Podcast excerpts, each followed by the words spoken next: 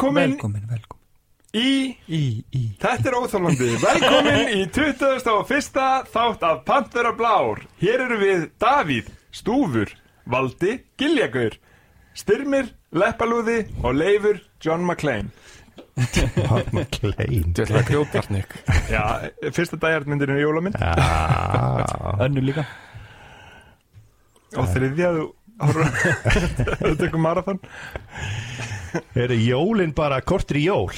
Jólinn kortir jól, já. Það er bara kortir í jól, það er bara hannig Við þurfum ekki að tala í heilum settingum Viljum það ekki, við höfum eiginlega ekki tími í það. Nei, Það er greinilegt að við erum að taka upp að modni núna Fólk er svona mis, Já. misferst. Nákvæmlega. Þetta er í fyrsta skipti sem við tökum, tökum upp á mótni til. Já. Bara mæta nýju. Bara kaffi og bara af stað. Já, Þetta er svolítið eins og að mæta í vinnuna. Allir mættir klukkan nýju Og byrjum að gera eitthvað svona rétt rúmlega tíu. Ég er næstu búin að fressa kaffinu í nefnir aftur En hvað segir, hvernig gengur jóla undirbúningin? Er þið, er þið, og hvernig er svona stemmingin? Hvernig er, er þið miklu jólaböld Já, ég, ég Nei, ég er eiginlega smá svona jólagrind sko, ég verði eiginlega að viðkynna það.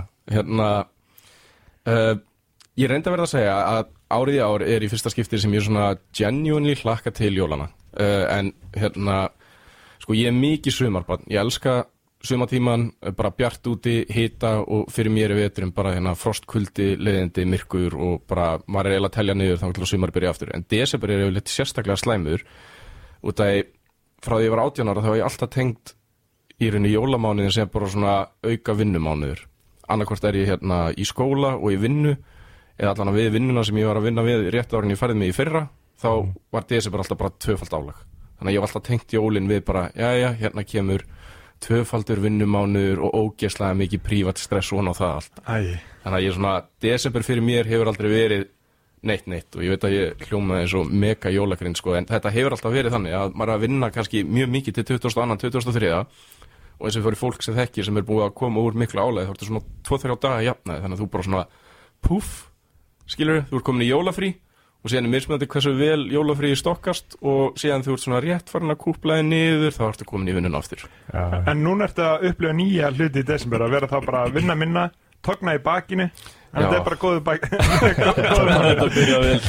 En mér, mér er svo gaman að heyra því að segja þetta Því ég er eiginlega búin að upplifa þetta öfugt. Ég vann svo ógeðslega lengi með börnum Og þá var bara desember svo geggjaður Börnin eru svo spennt og eitthvað svona Þá engarlega maður á sín eigin börn Sem bara, nú er desember og börnin eru ógeðslega spennt Og þú veist, strákur minn sem er 5 ára er- Vaknar klugan 5-6 á mótnana Því hann er svo ógeðslega spenntur að opna dagatæli sitt Og maður er bara bugaður að þau Þannig að ég er einmitt svona óvenju hægt inn í, eða fer óvinni hægt inn í jólastuðið í ár af því að ég er frekar mikið jólabatt sko. Já En þú lefur, erst þú jólabatn eða ertu meiri í, í, grins hlutanum? Ég er jólabann, alveg bara klálega og hérna, og þú veist mér, mér finnst þú rosa gaman þegar maður nær að gera þú veist, gera alls konar jólulegt og skemmtilegt og hafa tíma fyrir það. Mér finnst ekki gaman að maður er í stressi að gera það en, en hérna við fjölskyldunum erum að prófa í fyrsta skipti almennilega núna svona hérna dagatal sem að, sem að Bergin konum mín kipti í, í hérna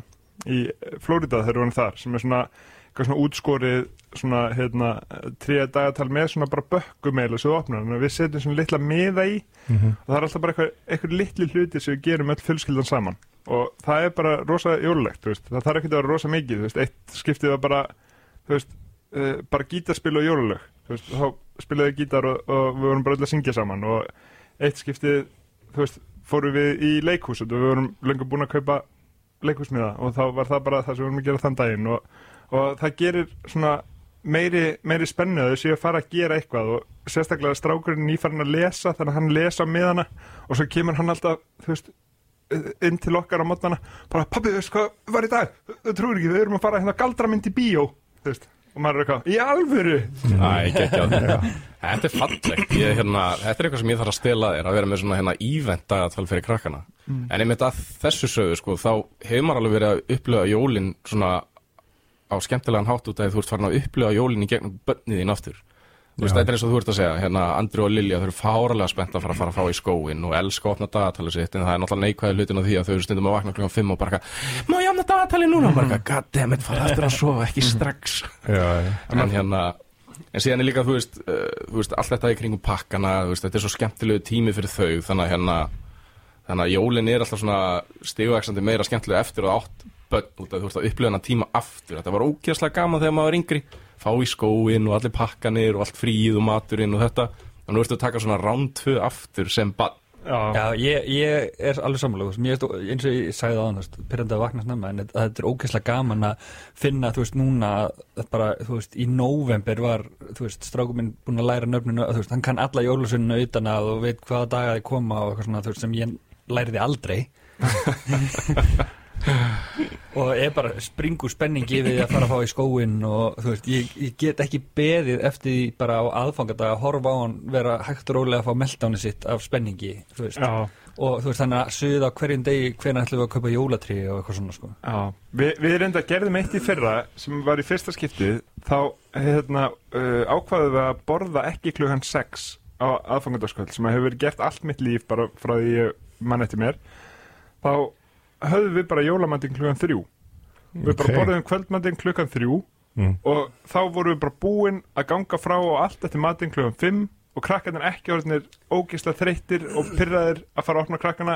Besti jólum opna krakkana? Opna krakkan opna, opna, nei, Opna pakkana ég er alls ekki að framkvæma ólöglega skjöðaðgjörn nei, nei, en hérna op, opna pakkana og krakkarnir ekki uh, búinir á því. Þannig að hérna þetta var bara algjör, algjör snild og við ætlum að haldi þetta núna meðan krakkarnir eru svona uh, ungir sko, geta ekki Já. sér vakandi á þess að fara yfir um sko Sko, kona mín, hún Fríða, hún er alveg bara, bara mesta jólabat sem til er. Hún bara, þetta er hjá henni, hún bara, þú veist, hún byrjar raun og vera undirbúa jólin bara, þú veist, í janúar Já, bara nána, sko. Hún er alltaf að byrja að pæla í jólunum bara, þú veist, alveg í oktober, sko, þú veist, var þetta skreitingar og hvað hún vil gera og, og þú veist, að hafa, hafa svolítið allt, veist, hennar markmið alltaf hverju ári er að vera búin með, þú veist, allar jólagjafir alls svoleiðis í nóvember. Þannig að þú veist, að desember er meira svona, þú veist, bara svona alls konar activity, eh, þú veist, svona samverutatal og, og fleira sem að, sem að henni finnst skemmtilegt að gera.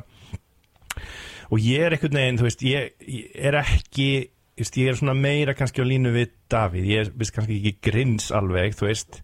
En, en veist, mér finnst þetta, þetta balans frá því að þess að við erum að tala um að, að, að við viljum gera eh, skemmtilega minningar fyrir, fyrir börnun okkar og, og gera þetta frábæri hátíð. En þú veist, það er samt svona einhver svona balans á því þetta verður ekki bara, þú veist, þú vilt reyna að gera svo ógeðslega mikið og þú vilt búa til svo frábærar sagt, minningar að hættan stundum er að þetta getur orðið svolítið forst bara. Þú verður bara, ok, við verðum að gera þetta, við verðum að gera þetta aktiviti, við verðum að fara þangað, við verðum að fara skautina niður í hérna, niður á Ingolstorki og þú veist, við verðum að labba niður í lögavegin og við þurfum að gera, þetta verður bara einhvern veginn bara, þú veist, endalaus lista af hlutin sem það er að gera einmitt til þess að upplifun allara verði sem best. Og, þú veist, og ég held að fyrir krakkana bara frábært, þeim finnst það veist, þeir náttúrulega er ekki hluti af bakgrunns undirbúningnum og, og, og hana, þú veist, verkefnastjórnunni sem tengist jólunum og öllu sko, þannig fyrir þeim klárlega er þetta geggjað en, en uh, ofta tíðum eins og kannski fyrir mig einmitt, þá finnst mér þetta svolítið bara, ok, þetta er bara, veist, jólun á að koma og það er bara, ok, oh my god, oh my god, oh my god, oh my god það er að gera þetta, A, B, C, D, E, F, G alveg nýjum seta, sko, fyrir, fyrir 24. og, og er þá ekki gaman þegar þú kemur í handbremsu beinin inn á laugavegin og bara stefnir, hlauftu Allir gaman núna! Og hann eitthvað, pappi, þetta er ekkert gaman þegar maður gerir þetta svona. Bara, við erum þetta ekki til að hafa gaman heldur til að vera í jólastuði, Þú drýðu þig! hefur 32 mínútur til þess að skemmta þér og taka inn jólin og svo þurfum við að fara í næsta verkefni. Já. Við þurfum eiginlega að láta Fríðu og Helgu hittast. Helga er einmitt líka svona, við erum átt aldrei bara mjög svipari bylgjulegt. Hún er jólabatt fyrir allan peningin Já. Hún byrjar að hlusta á jólalög fyrsta nómber og ég kom með ógeð á jólalögum Já, 10. það er bara, bara jólastöðin er bara í alltaf á heima Já. og í bílnum og alltaf bara. Ég hérna þurfti að taka þessa umræðu í vinnunni á mér, við erum fjögur saman á skrifstofu og það er ekki allar alveg sammála hvenar má byrja að spila jólalögin sko. og ég var bara eitthvað í fyrsta lagi mánuði fyrir jól.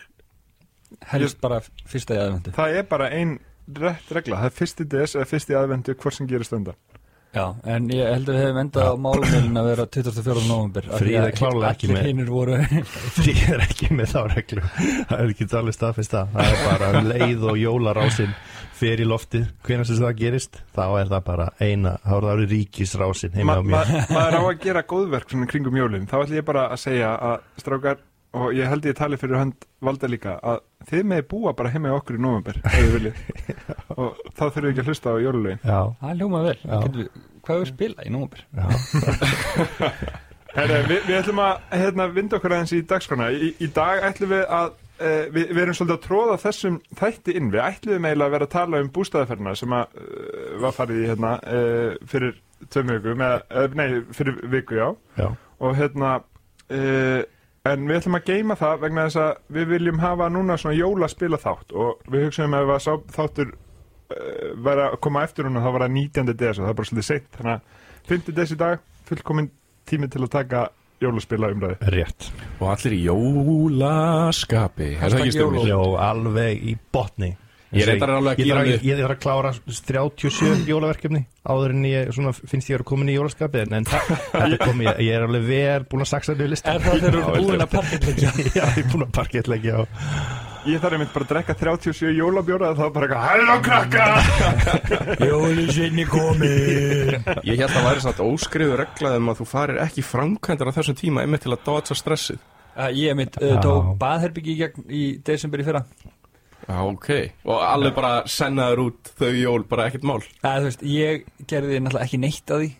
Nei, Það voru bara innan menn sem kom inn Já. og bara rumpuði af Já, Já, en það var- Ef þú fyrir framkvæmdir þá átt að gera það Það svona var allt í bara sæju eða svona fínu riki og viðbjöðu sko. Já, Mæl ekki með því. Nei. Það átti líka að vera búið svona 15. desember en það var búið svona 15. janúar. Eins og alla góða framkvæmdir. Æ, Herri, en Valdi, hvað ert þú búin að spila? Herri, ég er búin að vera að spila hérna, margt og mikið en ég spilaði Escape Plan sem er vítalega sörstaspil við erum búin að vera að taka smá romsu hérna, ég og Styrmir og fleiri sem að er að bakka á Kickstarter nýja hérna, Weather Machine nýja vítalega sörstaspilið að því að það er pa- taka með sérst, eldri spil hérna, við erum svona að fara yfir katalógin og sjá hvað fólk vil taka. Mhm. og hérna Escape Plan er svona spil það sem þemaði þannig að við erum hérna til dæmis við fjóri höfum verið að spila saman þá vorum við að ræna banka fyrir svolítið síðan og erum búin að stassa pening hér og það um borgina. En einhver hluta vegna er löggan að koma staðið í að það voru við sem rættu bankana eru svona að ná okkur. Og við erum að höfum hérna þrjá daga til þess að e, hlaupum borgina sapna eins mikið af peningum við getum úr öllum house sem vorum búin að tróða peningunum í og drull okkur út úr borginni. Og hérna, þannig að þetta er bara kapplaup og við erum ekki lengur saman í liði. Þú veist, við rændum hann að banka saman en núna eh, vil ég frekar að leggja náðu þér heldur en að náðu mér þú veist, mér, Mm. mér er alveg saman með þig þannig að uh, Það slettist eitthvað upp á vinskapin í Já. miðji bankaránu og hver fór í, í, í sitt hotn og allar að ná sér mestu peningum. Já, þú veist, Það er nú óvennilegt fyrir mannesku að, að láta pening eitthvað slett upp á vinskap nákvæmlega. Uh, já, þetta er svona aðeins öðruvísi af þessum lasertaspilum, þá er þetta svona ekki, þetta er alveg flókið, en kannski ekkert svo veist, það er margt í gangi eins og er í öllum hans spilum. En þetta er svolítið bara þú þarft að svolítið að managja actionin, hvað, hvað, í hvað ætlar að nota aðgerðina þeinar og passa þegar þú ert að reyfa þig milli staða í borginni að láta löggun ekki skjóta það mikið í bakið því að þá lendur í vandræðum. Þannig að maður er að fara um ná sér í eitthvað svona uh, svona vitorsmenn sem er hjálpa manni að laumast í burtu eða eitthvað sliðis og ná sér í einmitt peninga úr þessum safe, safe houses og alls konar svona hluti sem þú getur nota til þess að komast undan löggunni. Þú getur farið og fengið eitthvað mótrjóla gengi til að hjálpa þér og keftir hinn að þessu hluti sem að koma þér undan. Það eru þrjár típur af löggum sem er eitthvað svona þú veist Federal County og City Police eða eitthvað sleið sem eru þrýr mismundi litir og uh, eftir hvaða hlutu hefur þá kannski hjálpar að komast undan ákveðinni típu af löggu og svona. Mm. og svo er þetta þessi þrýr dagar þar sem að menn er að taka og getur þú getur orðið svona eftir hvað þú ert að gera á stöðunum þá ert að fá kannski meira svona notoriety sem því að löggan veit meira að þér og þú ert að vera svona meira sínilegur og eftir svo hækkar því þá gefur það þér ákveðna bónusa en það gefur þér líka ákveðna mínusa veist þannig að sá sem er hæstur í notoriety er alltaf fyrstur að gera í næstu umferð en á móti kemur að veist það er hann, sá sem endar með hæst í þessu fær mínust í, lókleiksins og svona. Mm en þetta er þrælskemmtilegt spil. Við spiluðum þetta leifur við, við leifur styrmir hérna eitthvað, hvað, 2019 já, og, og höfum ekkert spilað síðan þá. Þá vorum við svona, svona frekar óspenntir fyrir því. Já, fannst það bara allt í læg en eftir þessa spilin þá var ég bara eitthvað við þurfum að koma þessu eftir á borðið. Já, þetta er svona skemmtileg tension í þessu spili mitt af því að þú ert, þú veist eins og, eins og aldrei segir, þetta trakt sem er að trakka þetta nótiræði eða hversu sínilega þú ert gagvart löggunni því hærða þú því trakkið og, það er ákveðin svona skref sem þú ferð upp um og þú ferð yfir ákveðin skref þá reynum fá aðri leikmenn að senda lögreglu í átt að þér. Þannig að þú hægt og bítandi þú veist, þrengi staðir hægt og bítandi og það eru fleiri löggur í kringu þig og, og hérna og síðan er þetta líka skemmtileg tensjona því að í lok sagt, þriðja dagsins þá þurfum allir að, að komast í burtu og það er eitt sagt, svona escape hlið sem er opið í hverju spili og, og sá sem fer fyrstur út hann borgar ekki neitt en síðan verður alltaf stigvaksandi dýrara fyrir aðra að komast út Já, og svo er það líka þannig að ef að, þú veist, eins og Styrmir fór bara út í fyrstu, fyrstu aðgerðinni sinni á þriða degi eitthvað, þá bara drullaði hans út úr borginni.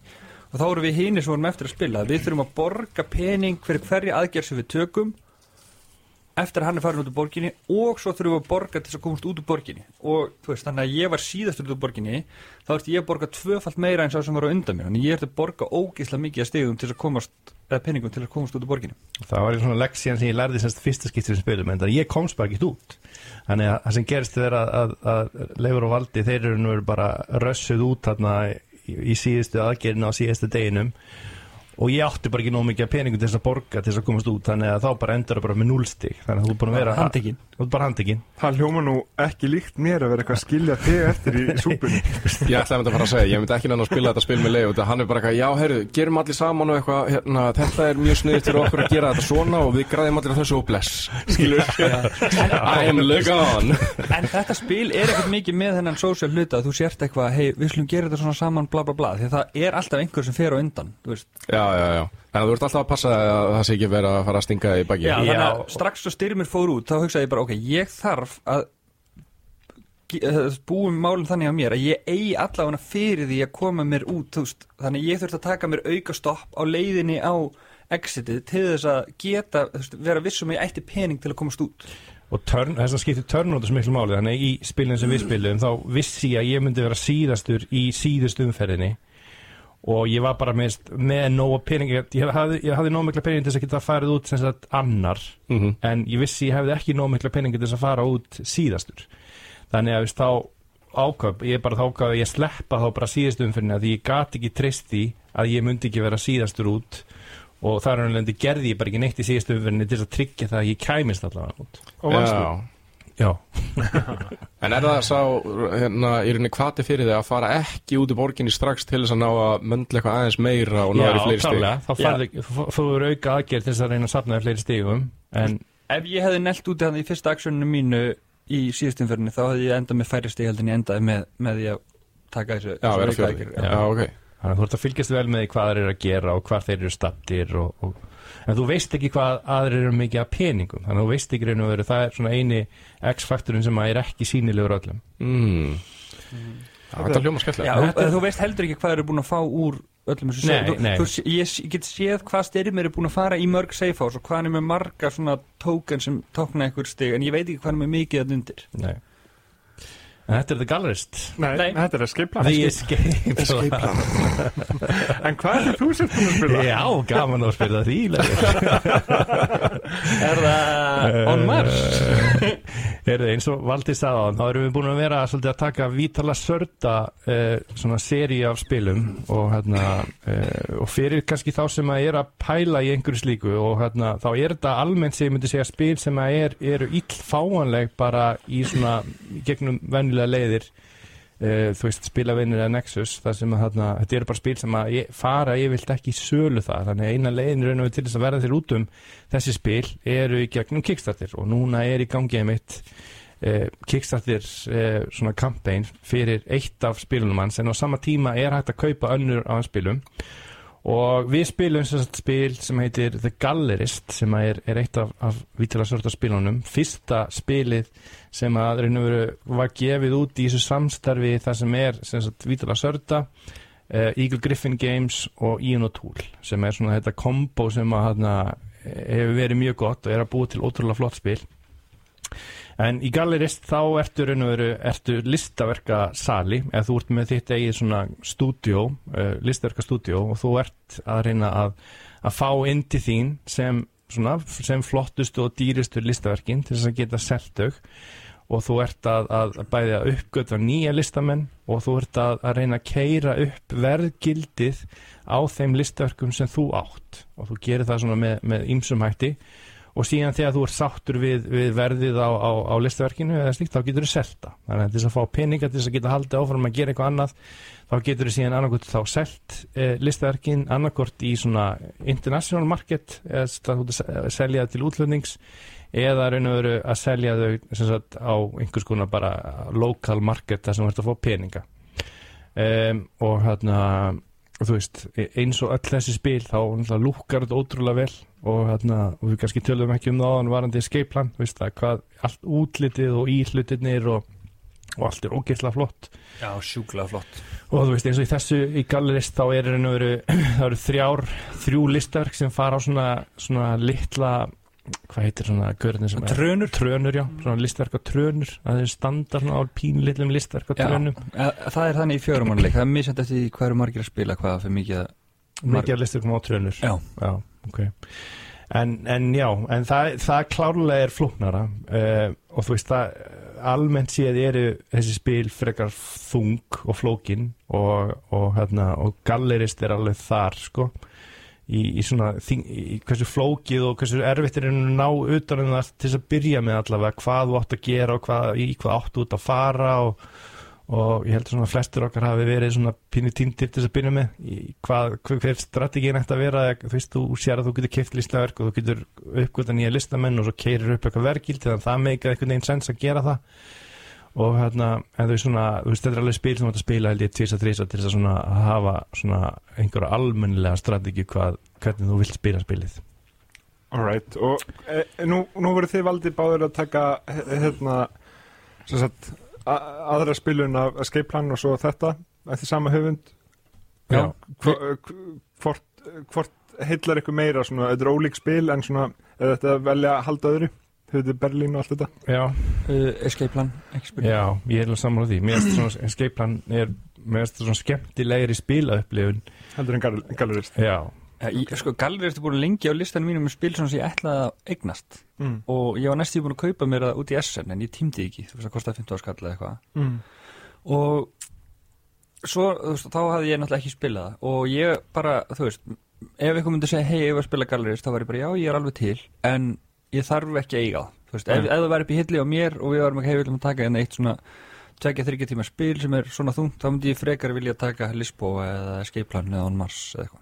Já, ég saman á Ok. því ég, veginn, já, ég eh, held að ég eh, láti það vera allavega varandi að eiga það. Ég held ég bara, en eins og til ég að spila það aftur ef, að- ef einhver, einhver eh, stingur upp á því að, að skella þið gallerist á borðið. Þannig að þetta var The Gallerist, valdið talaði með Escape Plan.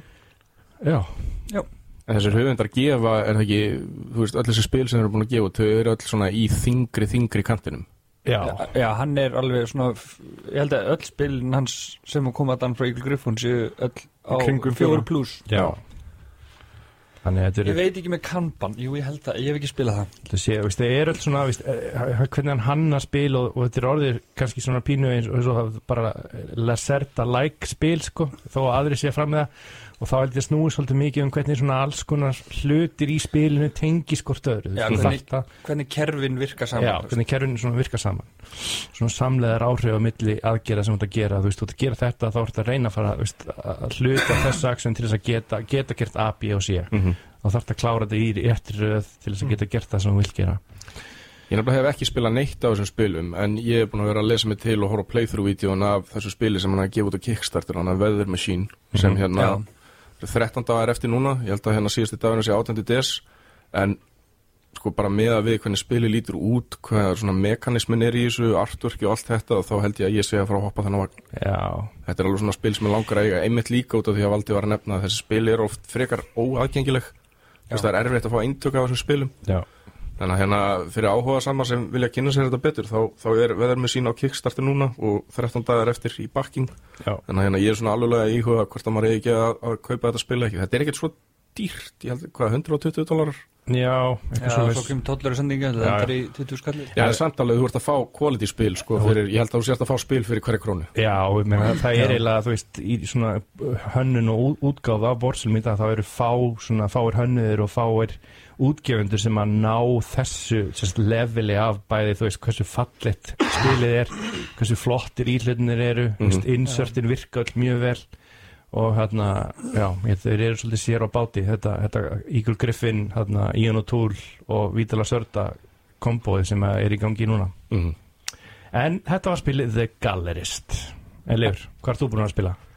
Ég er búin að spila heldur betur léttar að spila þetta Ég er búin að spila uh, Fox in the Forest Já, Ég, hérna, ég var með vinnufélag mínum í, í hérna, vinnuferð um daginn og, og hérna, þá voru við bara unnum mikið og svo kvöldin þá gætu við tekið fram spil og fengið okkur bjóraða tvo og, og spila saman.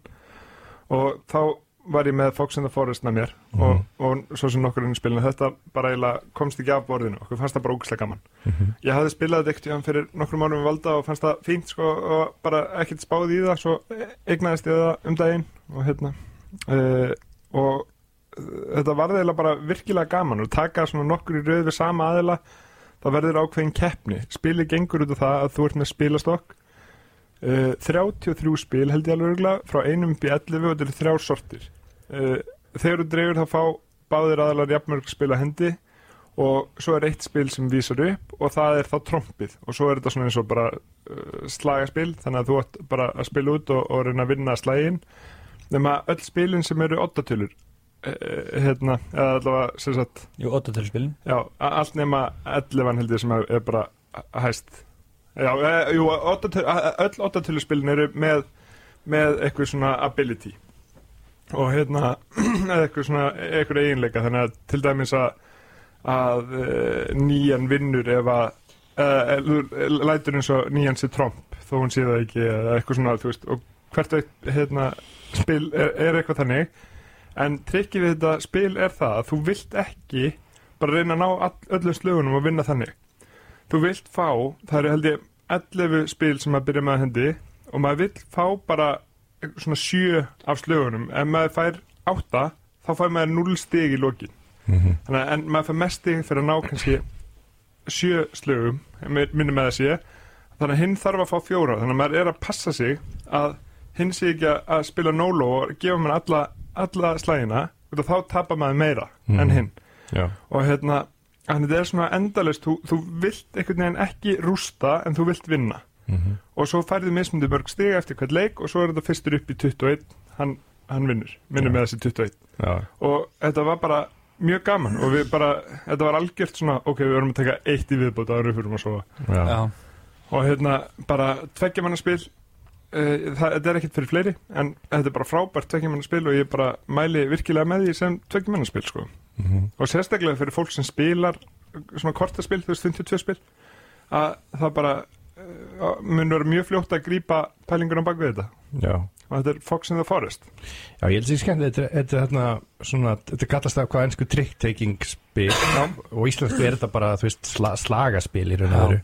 Og ég held að það, það er einmitt fyrir þá sem að eru ekki vanir að spila og tala um að, að vera að spila við vinnufélagin sem kannski er ekki að spila mikið. En ég held að flestir skilji svona þessa slagapælingu, þú veist, það er svona spilað manna Já, mannað eitthvað þess að þú setur inn og þarft að bekina sort Sýndu við talaði það aðra bekina en, hana, en þú veist þarft að, þarft að spila út ef einhver spilu hjarta þá eða út með hjarta hendi þá verður að spila út hjarta. Það er að fylgja lit. Verður að fylgja lit og, og bara síðan herra spili vinnur. Og hana, vinnur þann slag. Þannig að ég held að veist, það er þægilegt held ég einmitt að nota svoleiðis eh, já, svoleiðis spil fyrir þá sem að hana, hafa kannski ekki spilað mikið af því þeir þekkja, þeir skilja konseptið að, að vera að spila að, sama lit og síðan vinna slaginu út með harra spil heldur, en- aðrir Já. og það var mjög gaman að eh, einhvern svona sem að spilar ekki mikið og ég hef aldrei spilað það áður og svo eh, hérna ákveða að taka spil og hann opna kassan og svo bara eitthvað, nei, það er plast á þessu, gerðið þú þetta sjálfur? og ég bara eitthvað, if you only knew þannig að þetta var Fox in the Forest uh, Davíð, hvað ert þú búin að spila? Þetta var alltaf gott hvernig hérna þú lokaðir þessu út að sko spilið sem ég er búin að vera að spila er Terraforming Mars Big Box. Og hérna við erum búin að tala eins um hérna upplöðin að spila með pimpu spil hvað það getur breytt spila upplöðinni en hérna ég fekk að prófa Big Box hérna útgáðana sem styrmir á. Og þetta er í fyrsta skipti sem þú svona í alvörinu finnur fyrir hvað er mikill munur á grunnspilinu og spila með þessa komponenta sem styrmir með. Og bara til þess að, veist, draga þetta saman þá er þetta daldið eins og að horfa á góða bíómynd í túbusjónvarpi með hljóðið í sjónvarpinu sjálfu en ekki neitt addon eða fara í bíó með Dolby hljóðið einn í sal með stóra skjáðan þú veist þetta er bara allt annað fyrirbæri hérna uh, við nú aðeins fjallaðum Terraforming Mars áður en hérna þetta spilurinni snýst, um, snýst hérna út af það að við erum að, að hérna við erum að Mars og við erum að reyna hérna coloniza plánetina hvað er colonizing á íslensku? Land, Land, nema Mars. Nemaland á nema Mars. landa Mars.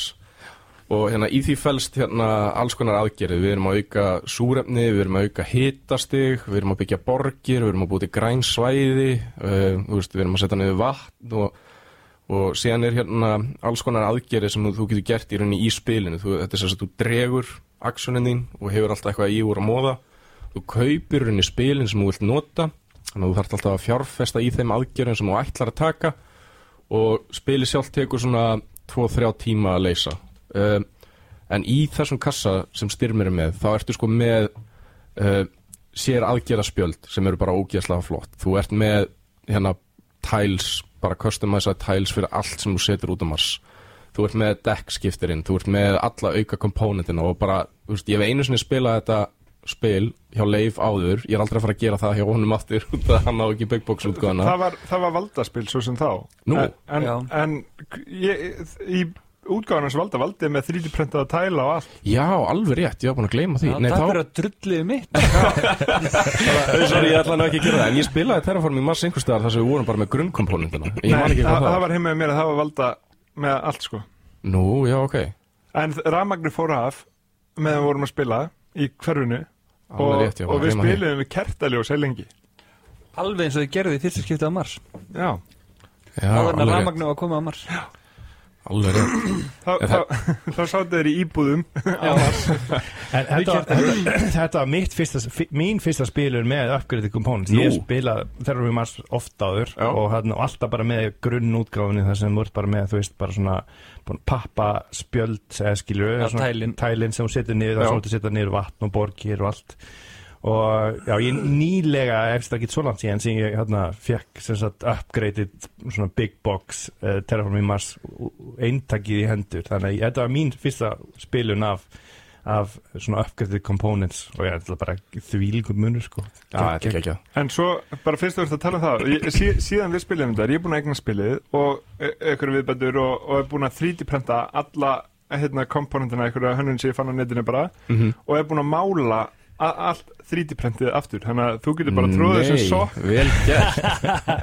Ég var sko, það er Í minningunni vorum við að nota ekki Já, ég kannski er að ruggla þessu saman. Ég reyndi að vara að skoða þetta spil á netinu og það er aldrei síðan við spilum með grunnkomponentina en þarna var bara, það var svo mikill munur sérstaklega með kortin líka.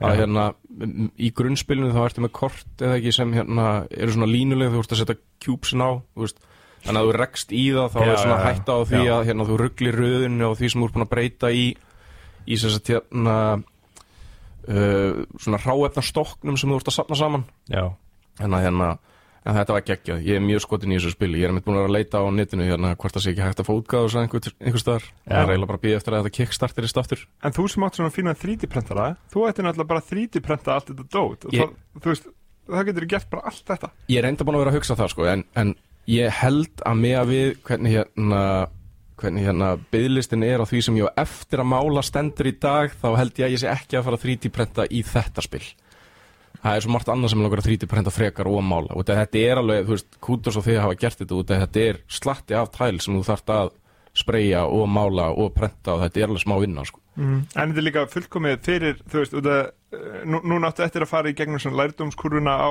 á 3D-prentarunum og, og æfa það og svona. Þetta er fullkomið í það líka og þá bara þeir eru búin að æfa það, já, ég veit hvernig 3D-prentar virkar og ég kom með heilt sett af Terraforming Mars 3D-prentuðum tælum. Já, reyndar, það er alveg geggja sko. Þannig að já, En, en e, þetta var bara svona hugmynd. Já, það er hérna Ég reyndar með svona sko, Ég held ég sem með 13 spil sem ég þarf að fara að nota prentaran í okay. Að ég er alveg búin að skoða hérna alla komponent og allt Þannig að já, við þurfum að fara að koma honum í gagnið. En þetta er Terraforming Ma- Mars Big Box bara hérna, ufundi ykkur ef þið eigið þetta eintak. Þannig að, Þetta er já, geggjaspill, frábært spill Þetta er geggjað, en í, í dag þá ætlum við að gera tvent sem við gerum ekki vennilega. Við ætlum að endurvekja e, í, í nafni jólana og nafni spilavinna ætlum við að, að gefa e, spil í samvinnu við spilavinni. Við ætlum að gefa e, Dragomino sem er e, jólaspil, mögulega bara eitt mesta jólaspili fyrir, fyrir börnin þetta árið. Já, vann held ég uh, barnaspil ásins Já. 2021 og, hérna, og ég er búin að prófa þetta með mínum krökkum og þau bara elska þetta þannig að það bara er skemmtlegt og svo hérna, uh, ætla ég að bjóða ykkur herramenn að taka þátt í hraða spurningakeppni Já, nú, já. Um, þannig að það er spurning hvort að við bara um, byggjum ekki bara hlustendur að, ef að þið viljið taka þátt í, í hérna að reyna eignar spil, gafaleiknum okkar þá Já. kikið bara Panther Blára á Facebook Já. eða spiluðinu Facebook, þeir verðum örgulega með link á, á uh, postinu okkar og þá bara lesið sem stendur á postinum og uh, þið bara takið þátt uh, í, í síðasta lagi 11. desember Já. og Já. verður út 12. sigurverðin Hljóma vel Kynum þetta betur á, á Facebook síðinni Nákvæmlega, hvað, hvernig, hvernig það virkar. Alltaf best. Um, þá er það hraðaspurningakeppni jóla Blár árið 2021 jólar Vá. Hashtag Eh, jólum. er einhver sem vill byrja? Ég skal byrja. Ok, þá ætlum ég bara að byrja ykkur hinna uh, Davíð og Styrmi Já. að fara út og Valdi ætlar að byrja. Um, og við fáum lítið stef Valdi. Uh, velkomin í uh, jólarhraðaspurningar Panther Blár árið 2021 Takk. Um, Ég spyr bara spurninga, þú er 45 sekundur Ég veit ekkert hvernig tíminn hittir á þetta en við bara vonum það besta. Já. Þannig að við byrjum núna. Nefndi eitt spil sem byrjar á S. Sagrada. Hvaða spil valdið þú sem uppáhaldspilið þitt í fyrsta þætti Panther Blár? Tvöldum byrjum. Ránt Nefndi 5 af 8 standard hlutum sem er má byrja í, í vennileg Monopoly uh, Hestur Bíl, Fingubjörg, Hattur, Hundur Það er engin hestur Ránt Í hvaða borg færði mest fyrir kýtna sem þú selur í Great Western Trail? uh, Ég man það ekki, pass Uh, hvaða vinsæla spil heitir í höfuð á grískri eigi? er rétt.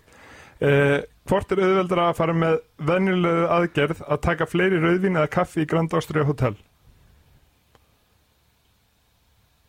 Kaffi Rauðvín. Tíminn er búinn.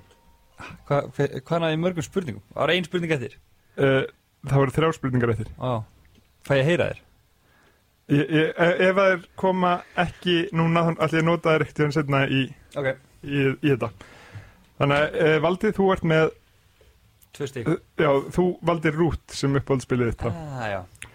Þannig að þú ert með Sagrada og Santorini, það er tvö stík. Davíð, velkomin. Ég er bara í Herðu, þú er 45 sekundur og við byrjum núna. Nefndi eitt spil sem byrjar S. uh, Vá, pass Hvaða spil valdið þú sem uppáhaldspilið til fyrsta þætti Pantherblár? Uh, Greatest in Trail Nefndi þrjá af átta standard hlutum sem maður má byrja í sem vennilegum monopoly. uh, Pass Uh, í hvaða borg farið mest fyrir kýrna sem selur í Great Western Trail? uh, Fimm Sjö, sjö Í, í hvaða borg? uh, Hérna Nei, manna ekki pass Í Hvað hvað, er að skýta hvað, hvað vinsæla spil heitir í höfuð á grísku eigi? uh, Concord, nei, pass. Vá. Það var síðasta spurningin hérna sem við nærið akkurat inn. Eh, Hvort er auðveldara með venjulegri aðgerð að taka fleiri rauðvín eða kaffi í Grand Austria Hotel? Rauðin Það er rétt. Ah, það er góð að maður sé hvað er að taka upp á sunnudegi. Ég trú ekki að ég klikka á Monopoly spurning og líka bara það, það er svo erfitt að byrja bara nefndi eitthvað spil sem byrjar á S. Maður bara eitthvað uh, uh, uh, ég veit það, þetta er bara, wow ég er hérna, hausin á mér er bara eitthvað 5% þetta var geggjað þetta var hérna gaman að vera með svona. Herri, við fáum styrmi næst. Velkomin styrmi já, takk að þið fyrir það þú er 45 sekundur Já, Þetta eru bara 1,5 miljón spurninga þetta er þessi löflétta spurningar. Já. Já, ok. Uh, og við byrjum núna. Nefndi eitt spil sem byrjar á S. Segraða Hvaða spil valdið þú sem uppáhaldspilið til fyrsta þætti Pantur og Blár? uh, Þetta uh, Grandasti Hotel. Nefndi 5 af 8 standard hlutum sem að má byrja sem í vennilegu Monopoly. Baukur, banki Svín. Nei, ok. Í, í hvaða borg farið mest fyrir kýrnar sem selur í Great Western Trail? uh, Sís uh, Kansas City. Hvaða, það er rámt Hvaða vinsala spil heitir í höfuð á grískri eigi? Maracaibo. Rámt Hvort er auðveldara með venjulega aðgerð að taka fleiri rauðvín eða kaffi í Grand Austria Hotel? Tíminn er uh, búinn Þannig að þú mátt svara. Já, ok. Það er uh, Rauðvin er dýrara en kaffi. Það er rámt ah. Þú valdir sem sagt Gloomhaven sem uppáhalds uh, spilið. Oh my god. En Sagrada var rétt. Uh, Þú er ekki hugmynd um neitt sem tegndist Monopoly Nei Kansas er upphafsborgin í, í uh, Great Western. Trail. Það er San Francisco sem er að fara lengst til. Já. Um, Santorini er, er gríska eigin Já uh, og það er rauðvin sem er auðveldar að fá með uh, aðgerðina heldur en kaffi. Það meikar ekki sens. Það meikir ekki neitt sens þess vegna fannst mér þetta fyndið á hvað háttina um, Þetta er skemmtilegt. Þetta var þetta. Að við, við skulum bara fá hérna herramennin Já. og, og fáum lítið stef og heyrðum svo aftur Velkonur aftur allir saman. Já, hérna ekki Þetta þetta var, já, þetta var erfiðar en ég bjóst við. Erfiðara, mm. bara, ég bara komst að því þegar Leifur byrjaði með að spyrja mig einhverju spurningar að það bara hausin á mér er ennþá svoandi ég ætla greinlega að fara að fá mig meira kaffi út að ég passaði á Monopoly spurningunni. Ég er bara eitthvað, hvað byrjaði maður með mikið pening og þetta er Bars! Ég bara áttaði mig á því að uh, Monopoly sem ég átti sem barn var ekki með greinilega þessum rétti kompónum og það er svo sannarlega hestur í því. Já, Ég er þetta, man ekki hvað, hvað er í original. Ég veit allan að í, í grunnspilinu sem ég átti þá var fingurbjörg, hundur, bíl og eitthvað alls Skór, örugglega. Já, það, það er skip, skór, bíl, hundur, köttur uh, hattur, hattur, fingurbjörg og hjólbur. Það er ekki, sem, ekki svín. Það var, það var ekki köttur í okkar. Nei, við vorum með eitthvað svona alternate uh, hérna um, En þa þessi uh, spurning var bara smíðið fyrir Davíð og ég hugsaði bara, ég sett hana eiginlega bara svona svo að Davíð myndi uh, geta hana og, Mm. og hérna uh, Og hann ég, hann var ég, eini sem gat ég bað, Nei, ég bað Valda og styrmi um fimm af átta hlutum og ég bað Davíð um þrjá en hann passaði þessu spurningu. Þannig að basically easiest spurningin í mín var og það er líka góð byrjun bara nefndi eitt spil sem myndi- byrjar á S. Pass! Ég bara, nei, nei, nei um, Næst verður nefnd eitt sem byrjar á tíu og þá getur maður að fara í já, 21 eitthvað? Já, Já, um, En hérna, þið voru allir með tvö spil. Þannig að ég kann ekki að tala. Þið, þið voruð hérna allir með tvö stig. Við opnum bönninu og fengum tvö stil Já, þá er ég með uh, vísbendingarspurningu hérna. Og þetta er bara uh, af sem sagt, þetta er lýsing á leiknum hvort þið tókið af BGG eða ekki manni ekki alveg en uh, hvort það var bara orðið rétt frá þeim sem var að lýsa spilinu Ok. Þannig að þið megið bara Eitthvað sem við allir spila Ef við bara gjamma eða ef við bara bjalla hvað við að gera ef við erum með þetta gemma bara, hefði ekki? Já, jú, ég er ekki með neitt uh, uppsett. Og er, er, vís, er, er, er þrjár Í Byrjum við með þess að þrjú stig, tvö stig, eitt stig eða hvernig Nei, nei, bara, bara fyrstur að gemma Fyrstur að- Með bara gemma einu sinni hverju, spurning, eh, í hverju vísbendingu okay. vísbendingu. Ok. Hann er sá sem er næri sem hann er sigurverðin hinn eru lúsirar Já, ok, Ok. Ok. Dill. um, Er þið tilbúinir? Á Já. ég lesi þetta eins og ég sé að kynna spilið og þetta verður ógustlega spennandi. Já. A brand new gaming experience for 8 to 12 players. Two wizards, a maverick, an arbiter. Two warriors, a corporal and a ledgerman En að what? And a ledgerman um, Ég ætla að segja hérna Avalon. Ránt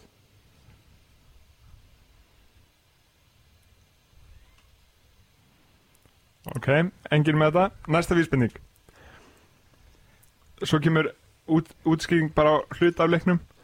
The thing about the challenge plate That it's basically the game in reverse. Challenge plate? It's the game in reverse. Ú Ú 8 til 12 spilar. Holy Er þetta hérna heitir það? uh, 8 til 12 Vá, hvað það er hátt playkant uh, Þetta er ekki Gingstalemma Nei, Nei Valdi er, er að. Það er eitthvað að fæðast hjá Valdi hann að draga niður andlitið sitt Þetta er djúft, þetta er djúft á þessi grilla ég, ég var ekkert búin að ákvæða að hafa þetta sem Er þetta hann að Epic Wizard Sor Battle Sorcerer Death? Epic Spell Wizards? Já. Nei um, Ég held samt að þú verður að koma með rétt svar sko. um, Þá kemur síðast það The object of the game is to accumulate cones. Four cones wins. In order to Ah, get a stá, cone ég með það, þetta er hérna Cones of Dunkershire hérna, sem var úr uh, and Rec Já, co Cones co of Donkeyshire Cones of Dunshire Ég hef aldrei heilt um Ég- þetta. ég hef aldrei Ég giskað hef Ég, ég skrifaði þetta eiginlega bara niður vegna þess að þetta er bara, þetta er ógeðslega góði grínþætti Parks and Recreation. Og í sjötti seríu þá er missir eitthvað vinnuna og hann bara meikar ekki að vera ekki að vinna sko. þannig að hann kemur bara eitthvað, ég var bara frí og ég er búin að búa til þetta spil viltu spila um mig? Já, og þá kemur hann að útskýra leikinn þá bara it's a brand new gaming experience for 8 to 12 players, two wizards, a maverick an arbiter, two warriors, a corporal and a ledgerman. The thing about the challenge plate is basically the game in reverse og þeir sem að hlusta er bara, what? og svo bara the object of the game is to accumulate cones, four cones wins and in order to get a cone you have to build a civilization það er ógeðslega flókið byrju, hvað, segja aftur hvað spila heitir? The Cones of Dunshire The Cones of Dunshire. Ég var að grafa svo djúpt í haustum og við bara eitthvað, hvenar spilum við þetta? Nei, nei, ekki neitt. Alveg, Þannig að valdið er miklu betur en því það er spurningun Já, vel gert Valdi Vel gert, vel gert. Klapp fyrir þér, klapp á bakið. Uh, þetta er skæðilegt Já. Þetta er eitthvað sem að við ættum að Þetta er liður sem að væri gaman að gera aftur. Já, við slum bara gera það. Uh, Og ég ætla kannski að lækka aðeins þröskuldin á spurningunum Já, En það, það er nefnilega pínu erfitt að ætla að gæta þess að spurningarna séu jafn erfiðar fyrir ykkur sem spilir þrefalt meir en Davíð. Svona, já. Þannig að uh, ég, ég þarf að leggja höfuðið í bleitu og, og, og sjá hva, hvað kemur upp. Finn eitthvað svona gott bal balans í þessu. Já. Um, uh, Í þessum þætti sem er uh, jólaspilin 2021 þá eru við uh, að mynda okkur skoðun á því hvað við myndum mæla með í mismunandi flokka. Já. Viltu segja ykkur frá þessu styrmi? Já, við hérna okkur langaði að- gera jólaþátt og náttúrulega hafa hann svolítið kannski svona e, vel fyrir jól þannig að fólk geti kannski fengið smá vísmyndingar allavega fyrir okkur. Eða vilja fá okkur inputin í það hvað við myndum kannski velja í jólagjafir fyrir okkar vini og fjölskyldumedlim og svo framvegis og það kannski meikaði sens fyrir okkur að, að vera með svolítið svona ólíka flokka því að er náttúrulega bæði í okkar lífum e- erum við að tengjast fólki sem er ekki að spila mikið og veist, er kannski líka aðri sem eru að spila kannski mjög mikið. Þannig að flokkarnir sem að við ákváðum að, að henda í og velja eitt spil hver og einn í hverjum einasta flokki var sem sagt flokkurinn fyrir þá sem spila uh, mjög lítið eða ekki neitt er fyrir flokkurinn. Uh, annar flokkurinn eru barnaspil uh, þriði flokkurinn eru fjölskylduspil og síðan er síðasti flokkurinn spil fyrir kunnáttu fólk eða sem sagt þá sem eru uh, vanir því að spila mjög mikið. Þannig að þetta eru þeirri fjóru flokkar sem okkur datt í huga að koma með sem svona tillögur inn í, inn í jólagjafa flóðið eða jólagjafa listana fyrir árið 2021 Bara frábært. Og um, við ætlum að byrja að taka flokkin spil fyrir þá sem spil ekki neitt. Og það, það er oft spil eru frábærar jólagjafir bara yfir, yfir höfuð.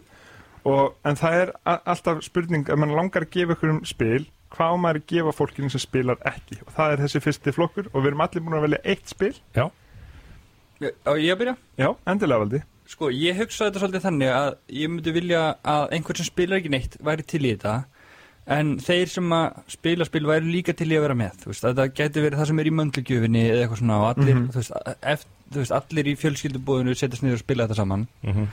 þannig að ég setti Telestrations mm. mm. af því að það er ótrúlega einfalt að kenna þú þarf bara að teikna og, og, og hlæja Já. og bara hérna rétta blokkina þína áfram og, og spilast hratt þú veist, þetta það er ekki mikil skiptir ekkert öllu máli hver vinnur þetta snýst meira bara um að við erum að gera eitthvað saman og hlæja og það er svona fangar það sem ég finnst jólaspila upplifun eiga að vera. Bara hár rétt ég Hlæg hafa gaman. Mér finnst þið þín hugmynd eila betri en mín. Já, ég ætla bara að segja Sam og Valdi uh, og ég taka næst. Uh, Ég valdi spil og þú veist, pælingins bak við mig, ég var að hugsa út af hvernig, hvernig spil fyrir sem spil ekki mikið á náttúrulega verður þetta að vera frekar einfalt. Vist, þannig að reglurna þarf að vera frekar Vist, það eru lár þröskuldur, hvað reglur varðar. Og spil sem ég er búin að vera að kenna svolítið undanfarið er spil sem heitir Encore. Og eh, sem er svona um, uh, svo kallar roll and write þar sem ert að kasta teiningum og síðan er bara allir með sína skrifblokk og kosturinn við það einmitt er að þú getur farið með svoleið spil inn í bara, þú veist, inn í fjölskyldubóð eða inn í, það skiptir engum máli hversu margir að spila, fá bara allir hver sína blokk og spilið bara virka þannig að þú kasta teiningum og teiningarnir eru bæði sem sagt, svona lita teiningar og númer. Og þú ert sem sagt að, að velur annarkot, velur lit og númer saman af, af sex teiningum og síðan þarf þetta að finna svæði á þinni litablokk sem er þá segjum, gulur 5 þá þarf þetta að finna sem sagt, grúpu af 5 gulum saman og xar í, í, í, þár, þær 5 og sagt, svo markmið er að reyna að klára sem sagt, svona línur.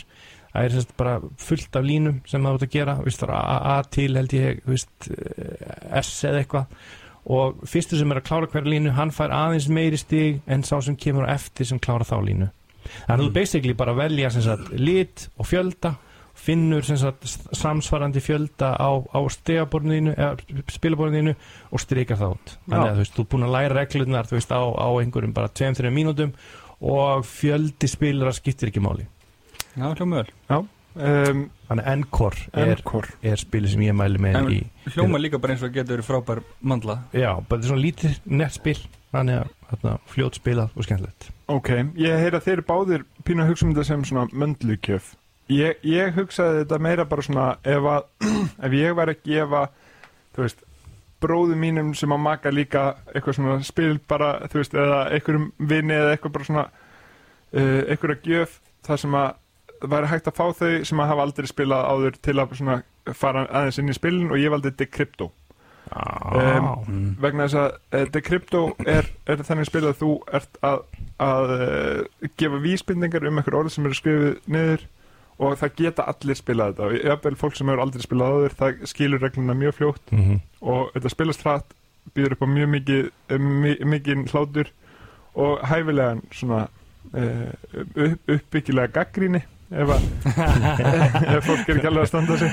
Þannig að hérna um, Decrypto er, er klárlega spil sem að ég tek allavega upp þegar ég fæ fólk til mín sem langar að spila sem spilar ekki mikið. Já, mjög, mjög gott spil. Ég er alveg sammála uh, Davíð, hvað spil valdið þú? Og af hverju er það Monopoly?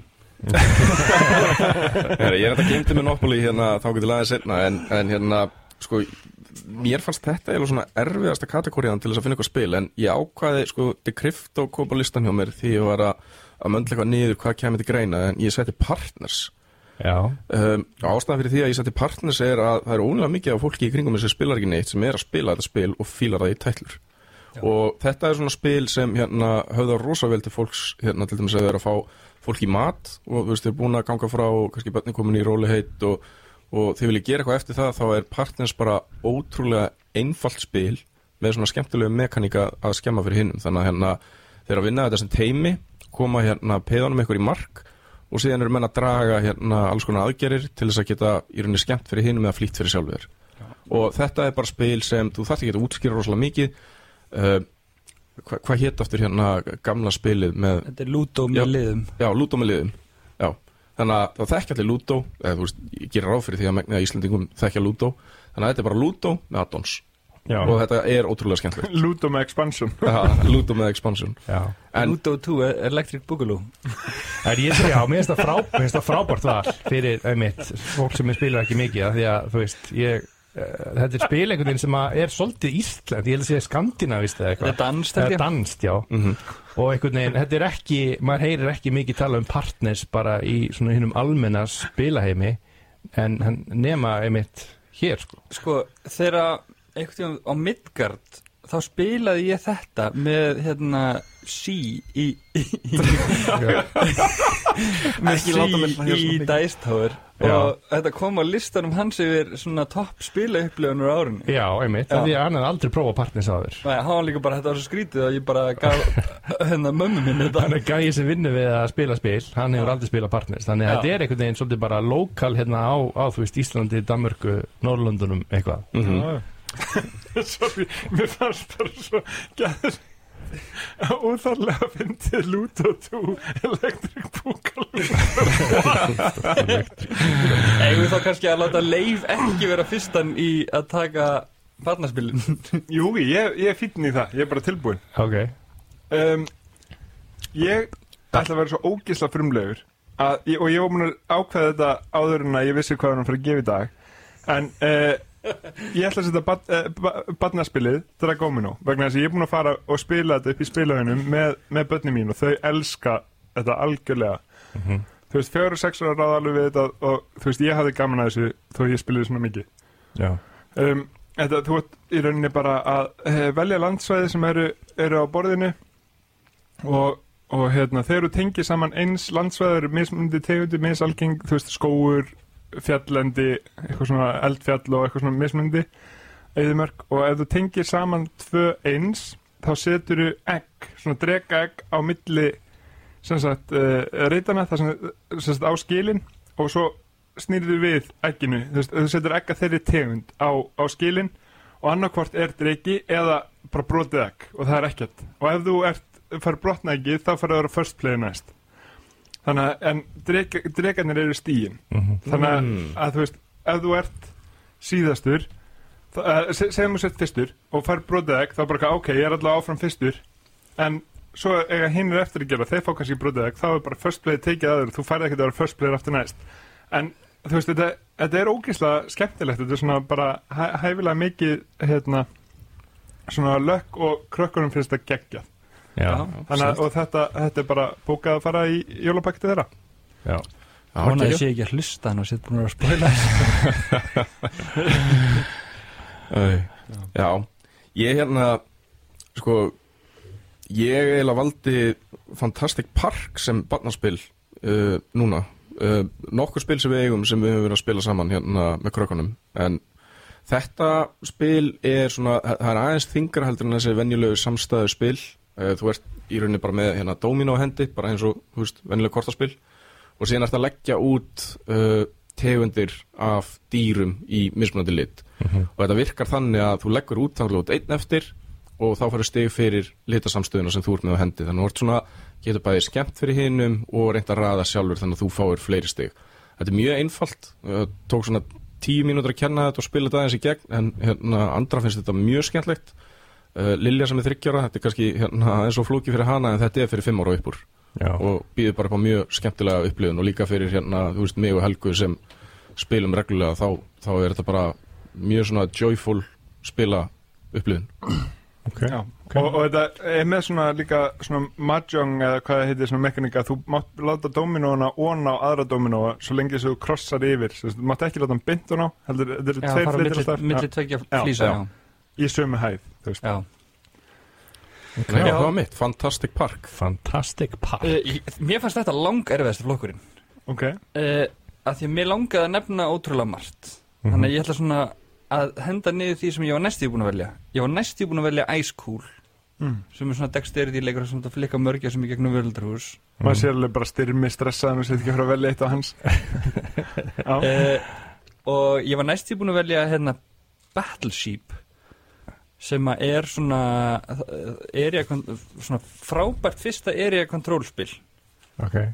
En ég ákvaði að taka eitthvað sem að e, er aðeins öðruvísi og hefur miklu meiri svona tóifaktor það er hérna Lupin Louie sem er það sem að það er flugvél á svona sem snýst í ringi okkur svona er batteri í gangi og ítur að starta fyrir, fyrir ringi og þú ert sérst með þi- þinn hænsnakofa og ert að passa að flugvillin kom ekki og rekist í, í hænuna þinnar þannig að þetta er niður þannig að þú ert með hænu sem eru svona diskar sem rúlla niður braut ef að flugvillin fyrir í þannig að þú ert með eitthvað svona takka svo á til að láta flugvillin hoppa og þannig að láta hann hoppa yfir og lenda á hjá hinum leikmannunum mm. og þetta er bara sjúklega einfalt og getur verið mjög skemmtilegt og þegar full, þú veist, börnin eru farin að sofa þá er þetta líka bara fínasti drikkilegur fyrir fóreldunum að þriðundarsköldi Nei, meira eitthvað svona þegar börnin eru búin að opna pakkana, búin að pröfa þessi jólaspilu sitt og Já, þá getur fulluna fólkið verið fulla fólkið. Lupin Lupin Louie heitir það, það er líka til Louie. Star Wars útgáð sem heitir Lupin Chewie. Ok, og þá er Chewie fólkanum í staðin fyrir flugulina já, það er gaman. Ok, áhugavert. uh, Herru, ég valdi Fyrir ekki, bara uh, Valdi, þetta spil, fyrir hvað aldursóp er þetta?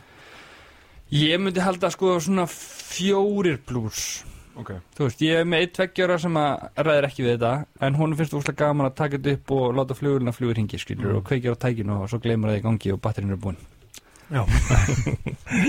Já Herru, ég valdi sérst í, í barnaspilafloknum uh, spil sem að heitir Rhino Hero Super Battle. Ah, Geggja spil. Super Battle Rhino Hero. Uh, Ég sem sagt gaf uh, sérst, öðrum tvíbrunum okkar sem að er uh, þegar hann var 6 ára gammal þetta spil í, í Amalskjöf og við erum bara búin að vera að spila þetta á fullu. Þeim sérst, finnst þetta báðum geggja. Við erum sérst, strákustelpuð sem eru 6 ára og hérna og eru þau bara, þetta er svona go-to spili sem að við förum í og þetta er ókýrst að skemmtilegt þannig að við, ég og Fríð erum að spila með þeim og aðri krakkar og, og í grunninn er þetta bara sem sagt, snýst um það, þetta er bara pínir eins og byggja upp spilaborg.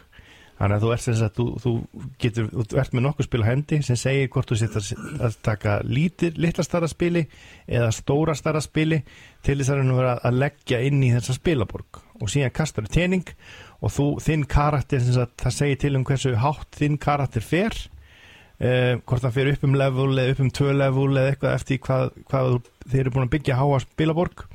Og ef að, ef að þinn karakter og einhver karakter einhverjum öðrum er á sama leveli í spilaborginni þá verður til baróta, eða þess að spartægi og þið kastið bæði teiningum og sá sem að fær herri, herri uh, valjú á teiningnum hann sem sagt heldur sínu plássi en hinn, hinnum er sparkað niður um eitt level. Já, ok Og hvað er markmiðið um leiknum? markmið í leiknum er bara að vera efstur uh, þegar spilaborgin hrýnur En, en nema að þú er sá ef að þú ert efstur og þú lætur spilaborgina rinja þá tapar þú.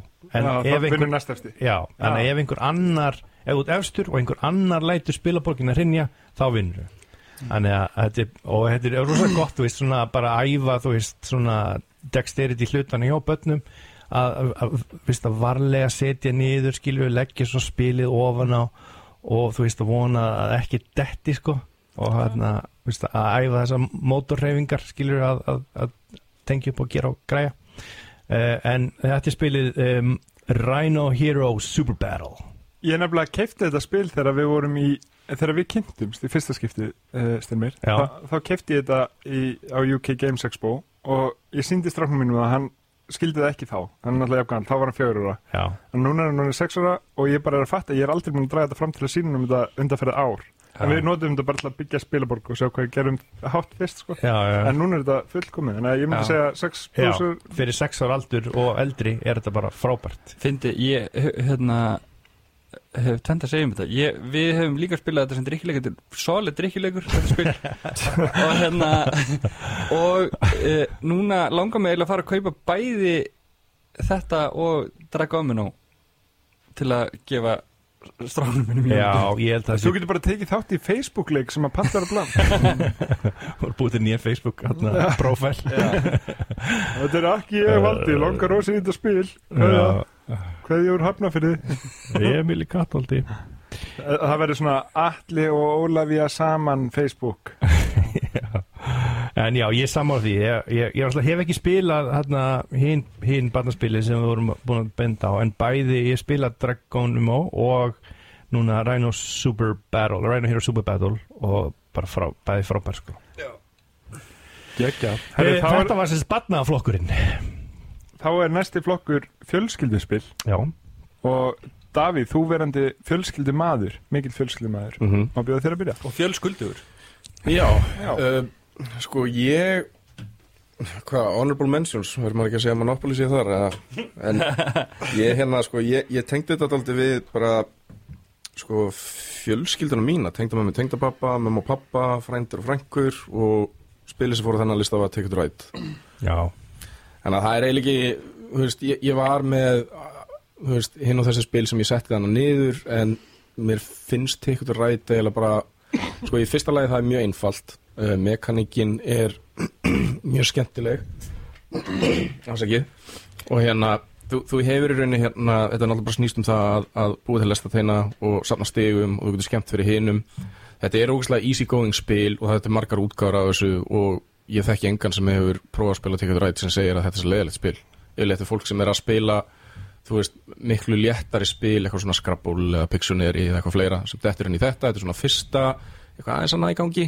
Og allir bara vá, hvenær hérna getum við spila aftur? Þannig að það var eiginlega ekkert annað spil sem kom til greina að nefna hana. Nei, mjög gott. Solid, solid spil, tekið þú rétt Solid Gateway. Já, uh, Já, ég uh, tók eitthvað sem var ekki á flókið þú veist að maður er fljótur að læra og hérna ekki þungt og fyrir breiðan aldursóp en ég vildi samt líka fara í eitthvað nýlegt. Þannig ég valdi Seven Wonders Architects. Já, já, uh, sem er bara svona skilt upprunnilega Seven Wonders spilinu en spilast aðeins öðruvísi. Í staðin fyrir að allir sé að gera sama tíma þá er bara eitt leikmaður að gera í einu er reyna, og þetta snýst bara um að vera fyrstur að klára að byggja Wonderið sitt.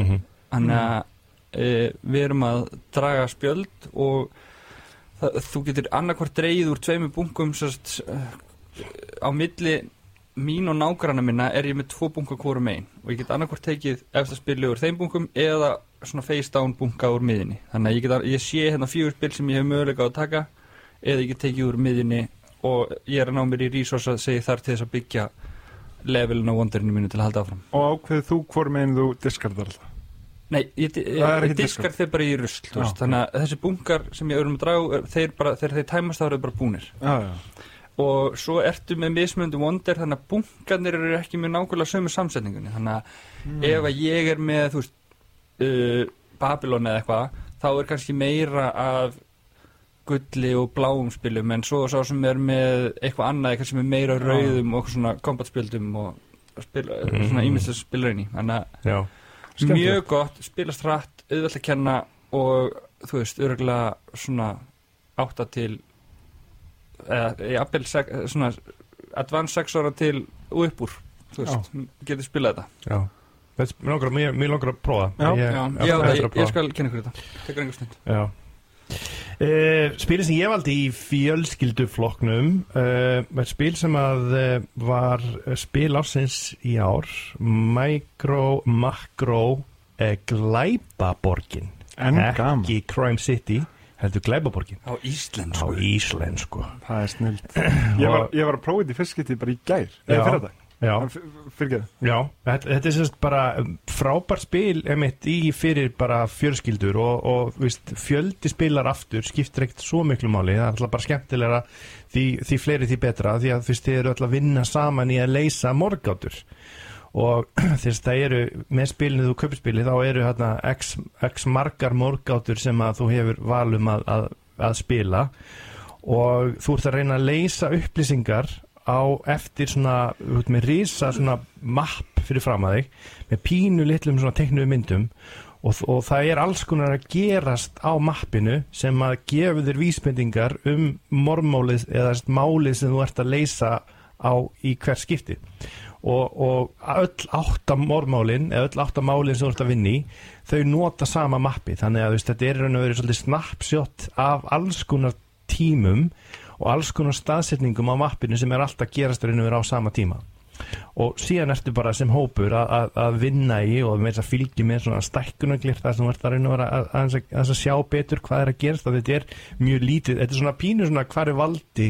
Hvar er Valli? Vald, valli á, hvað er valli? Þess að hérna. hvað er valdi?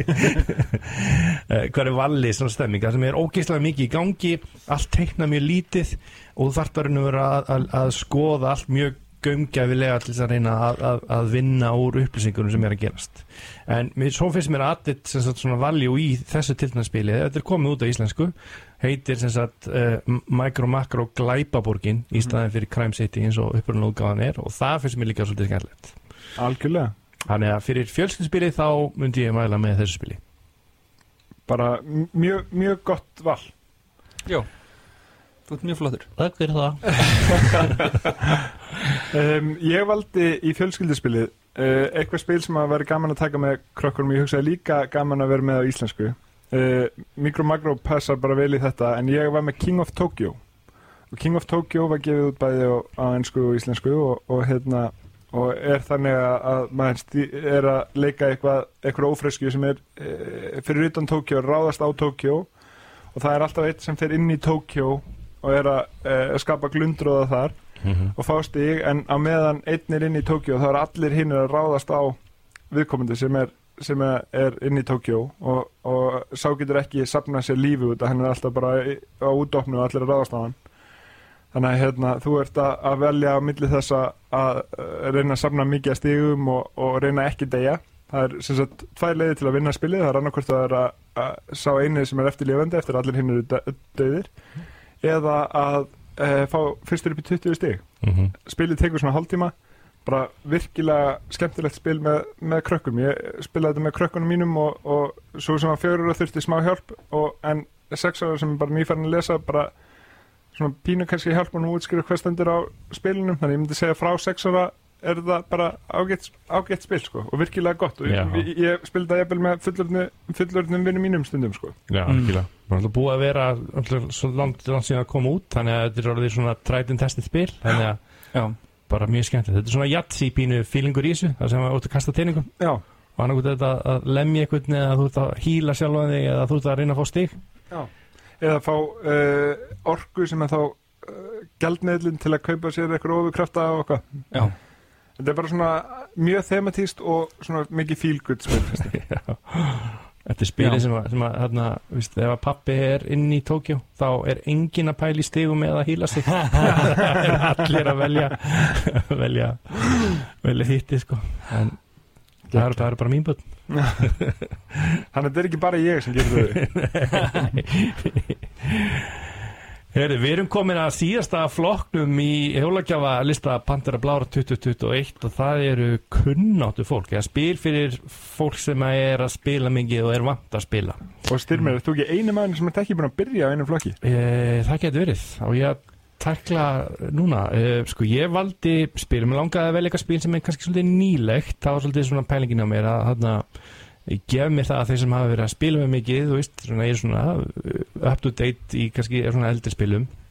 Og ég valdi spilið Unfathomable sem er hægt að segja. Unfathomable. Unfathomable. Sem að er Battlestar Galactica sem sagt rethemed. Mm. og ég hef spilað Battlestar Galactica og hérna um, fjárfest í þessu spili og eftir að spila þessa tilteknu útgáfu en er bara mjög spenntur að, gera það. En þetta er basically svona hidden traitor mekaník það sem að þarna það sem einn er mögulega þú veist, vondikallinn og, og, og það er allir annars vegar að reyna að hjálpa til við að halda skipinu gangandi og, og berjast í skrimsli og, slökka elda og, og svo framvegis og þarna uh, já, þetta lukkar mjög vel. Þetta er, er, er ríþýmið er svona þarna uh, Cthulhu, Cthulhu þema og hérna en lukkar ógeðslega vel og, og bara er mjög spenntur að koma í borðið. Þannig að uh, spilið sem ég valdi fyrir uh, kunnutu fólk er önspilið að Unfathomable þetta er á óskalistanum mínum sko. já. Það er- og þú ert, kunn, þú ert kunnutu maður í spilum Ég ætla rétt að vona það veist ég Heyri, en Leifur, hvað er, er alveg þínu lista fyrir þá sem eru vanir að spila? Ég valdi líka eitthvað sem er nýlegt og þetta er eitt af þessum spilum sem að valdi hefur kynnt mér fyrir ég, og, ég er að fara að segja bingo í þessu sko. það, Ég held að og, og ég hafði enga trú á þegar ég heyrði hvað þetta spil heitir. Og hann sagði þetta heitir Praga Caput Regni. Bingo. Ah, en fyndið og þú veist, þetta er bara það spil sem að, þú veist, ég hefði aldrei keift mér þetta spil ef valdið hefði ekki látið mig, þú veist, fara og, og prófa þetta. Þannig að það, það hugsa, þá hugsaði ég, þetta er fullkomið spil til að gefa einhvern sem spila mikið en er líklega ekki búin að kaupa sér sjálfur Praga Caput Regni uh, frábært spil og ég ætla að lefa bara að valda að útskýra þess núna hvað hva maður gerir í því þannig ég tek ekki allt að þér. Við höfum náttúrulega komið inn á þetta áður í þættinum en þetta er svona, við erum að hérna, byggja upp Prag, borgina og við erum að keppast við að gera miljón mismöndi hluti og reyna að ná í stík á miljón, eða, sex mismöndi stöðum en samt þurfum við, getum við ekki gert allstaðar þannig að við þurfum að fókusa á eitthvað en, en samt langar mann að gera allt. Þannig að þú veist, við erum annarkvort að byggja virki í kringum uh, sagt, uh, action selection spjaldið okkar eða byggja hverfi í borginni eða klifra upp eitthvað, tvö kastalatraks eða labba veginn þar sem að hérna, eitthvað Kings Road eða eitthvað svona dót og bara þetta er svona point salad en það er svona öll þessi kerfi einhvern veginn tengjast öðrum kerfum þannig að eh, þetta er bara frábært spil og svo er þetta svona ert að velja þér aksjón út frá eitthvað svona skífur sem snýst og það er svo margt í Það er gangi. mjög mikið að gerast í þessu spili. Það sem er svo frábært við þetta er að actionin eru yfirleitt bara, þú ert bara enga stund að gera svo bara næstu svo kemur bara aftur að þér og þú ert bara að gera ótrúlega fljótt. Sérstaklega fyrirpartinu leiknum þá bara þetta skotgengur og maður veit ekkert hvað maður er að gera fyrsta skipti sem maður spilar í svona fyrstu rándurum og svo eftir smástund kemur svona já, ég get ekki beðið til að spila þetta aftur og þetta er eitt af þessum spilum sem við spilum í alvörun aftur og það var bara geggja Já, þetta er mjög gott spil. Það var næstuð búið að vera þrefald bingo þetta fór fyrst á listan hjá mér áður en að ég valdi annað spil. Já, ok En hérna, en það er svo fyndi líka það sem ég fílaði þetta spil út og við fengum þetta lána hjá valdum daginn þegar við vorum að spila og kassin virkar ekkert eitthvað, þú veist, það virkar eins og að sé ekkert eitthvað rosalega mikið í honum. Þetta er aldrei svona eins og Mary Poppins taskan út að þú ert búin að setja þetta á borðið og sér allar kompónatana sem fylgja með. Það ertu bara hvernig kemst þetta allt í hennar litla kassa. En þetta er, þetta er frábært spil fyrir allan peningin. Þannig að hérna, Þetta var Praga Caput Regni já, Já. must have. Davíð, vilt þú uh, segja okkur hvað er hvað maður á að gefa kunnáttu spilurum? Já, ég ég sem sagt hérna eh, í staðin fyrir að vera með Praga Kaputregni þá valdi ég bara Ras út af því það er eitthvað við þetta spil sem höfða rosalega mikið til mín. Ras er bara, þetta er mjög þungt spil uh, en það sem ég elska við þetta spil að þetta er svo mikið þú, þú ert svo þú ert svo sveltur fyrir resursa í þessu spili að reyna að koma því í gang það sem þú ætlar að gera og síðan er spilið bara búið og þú ert ekki hálnaði með það sem þú ætlar að gera. Það er það sem ég elska við þetta spil.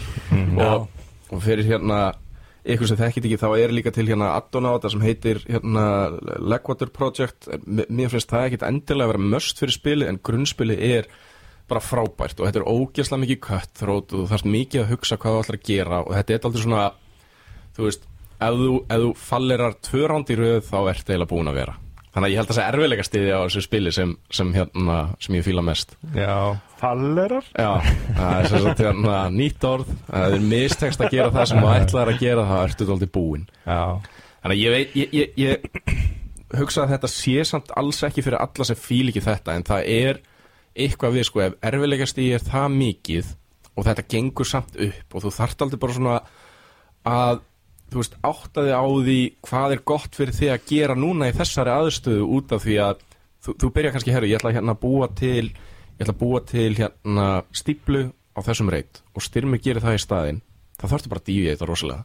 Þú þarft að hugsa upp á nýtt hvað þú ætlar að gera uh, hvernig þú ætlar að byggja upp í rauninni þitt flæði og hvernig þú ætlar að taka inn orku í þessu spili. Og, og hérna, þetta er mjög erfitt og, og eins og ég segi, þetta er pínu flókið en mér finnst þetta bara must have í, í spilasamni fyrir þá sem eru lengra komnir. Já, Barrage. Barrage. Já, Barrage. Geggjaspil Við höfum aldrei spilað eh, ex- að Ég hef alltaf ekki spilað expansionið. Ekki heldur. Nei. Jú, Jú, ég, við hefum spilað? Ég á það, það er í kassanum hjá mér, það er bara með öll hinn draslinu Já, en hefur var- spilað það? Hefur spilað expansionið? Ég, það, er bara, það er bara nýr, hérna nýtt faction sem getur verið og Já, líka hlið, hliðabór, það er þarna húsi, er húsin. Já, nei, sem ég, sem hef- já, ekki notað þannig Já, Já, ok, ég, ég kannast ekki við það voru nýri, nýja tælar líka þú kannst nota einhverja nýja tæla til þess að kaupa til þess að byggja öðruvísi og eitthvað svona. Já ég, já, ég held að þeir séu inn í mixunni á mér En já, já, en Við, Já. einmitt þarna, við spilaðum við nýjan gæð sem, sem er kannski alveg alveg nokkuð vanur því að spila. Mhm. og hann saði, hún fannst þetta að vera svona flóknasta spilið sem að hann spilaði við okkur. Um, en, en þú veist, þetta- þetta er samt sem að þetta er ekkit svo flókið en það er bara hvernig allt virka saman sem er flókið, þú veist, hvernig er vatnið að flæða og það er komið hingað og síðan skýsta þarna upp ef, ofar í, í borðið aftur kemur svo niður einhvern veginn og Ah. að sjá allar þessar tengingar er svolítið flókið sko. Það er líka klárlega þannig, í fyrsta skipti sem ég spila þetta þá myndi ég ekkert vera að gefa mér ómikla væntingar út af það Magic Happen sko í annað skipti sem hún spilar þetta spil Já, já, að Já. nákvæmlega En uh, vitið þið hérna hvað er besta leiðin til þess að, að drepa áhrifavald? Nei, byrja, nei Mm, Drepa áhrif Að að drekja honum í læk. Ég ætlaði að fara að kommenta á það, það er engin pappa bara búin að koma og valdi sér að tók bara skarði Rétt í Við vorum að tala um vatnið og svona. Já, Vel gert. Já, góð tenging. Geggjað. En þetta var uh, spilið Barrage. Um, við ætlum að setja í útlistunina á þess að í descriptionu sem þætti ef þið viljið skoða eftir á hvað við völdum þá verður það neðst í descriptioninu og þið getur fundið það þar. Uh, hvaða spilið við völdum í þetta skipti. Við ætlum ekki að setja það á Facebook-grúpuna það uh, þannig að sé ekki hérna spoiler strax en bara ef, ef þið hafa áhuga að sjá þetta eftir á þá getur þið séð það þar. Mhm. Og svo minnum við á uh, Facebook leikin okkar í samvinnu við spilavinni þar sem við ætlum að gefa uh, Dragonimo sem að einmitt Dragomino já. Dragomino, þar sem Leifur valdi sem hans sem sagt, uppáhalds barnaspil Mm. uh, til að gefa börnum þannig að endilega takk þátt í því og uh, við sjáumst uh, bara næst og þökkum fyrir okkur í dag þetta er svo gaman takk fyrir Takk fyrir. fyrir.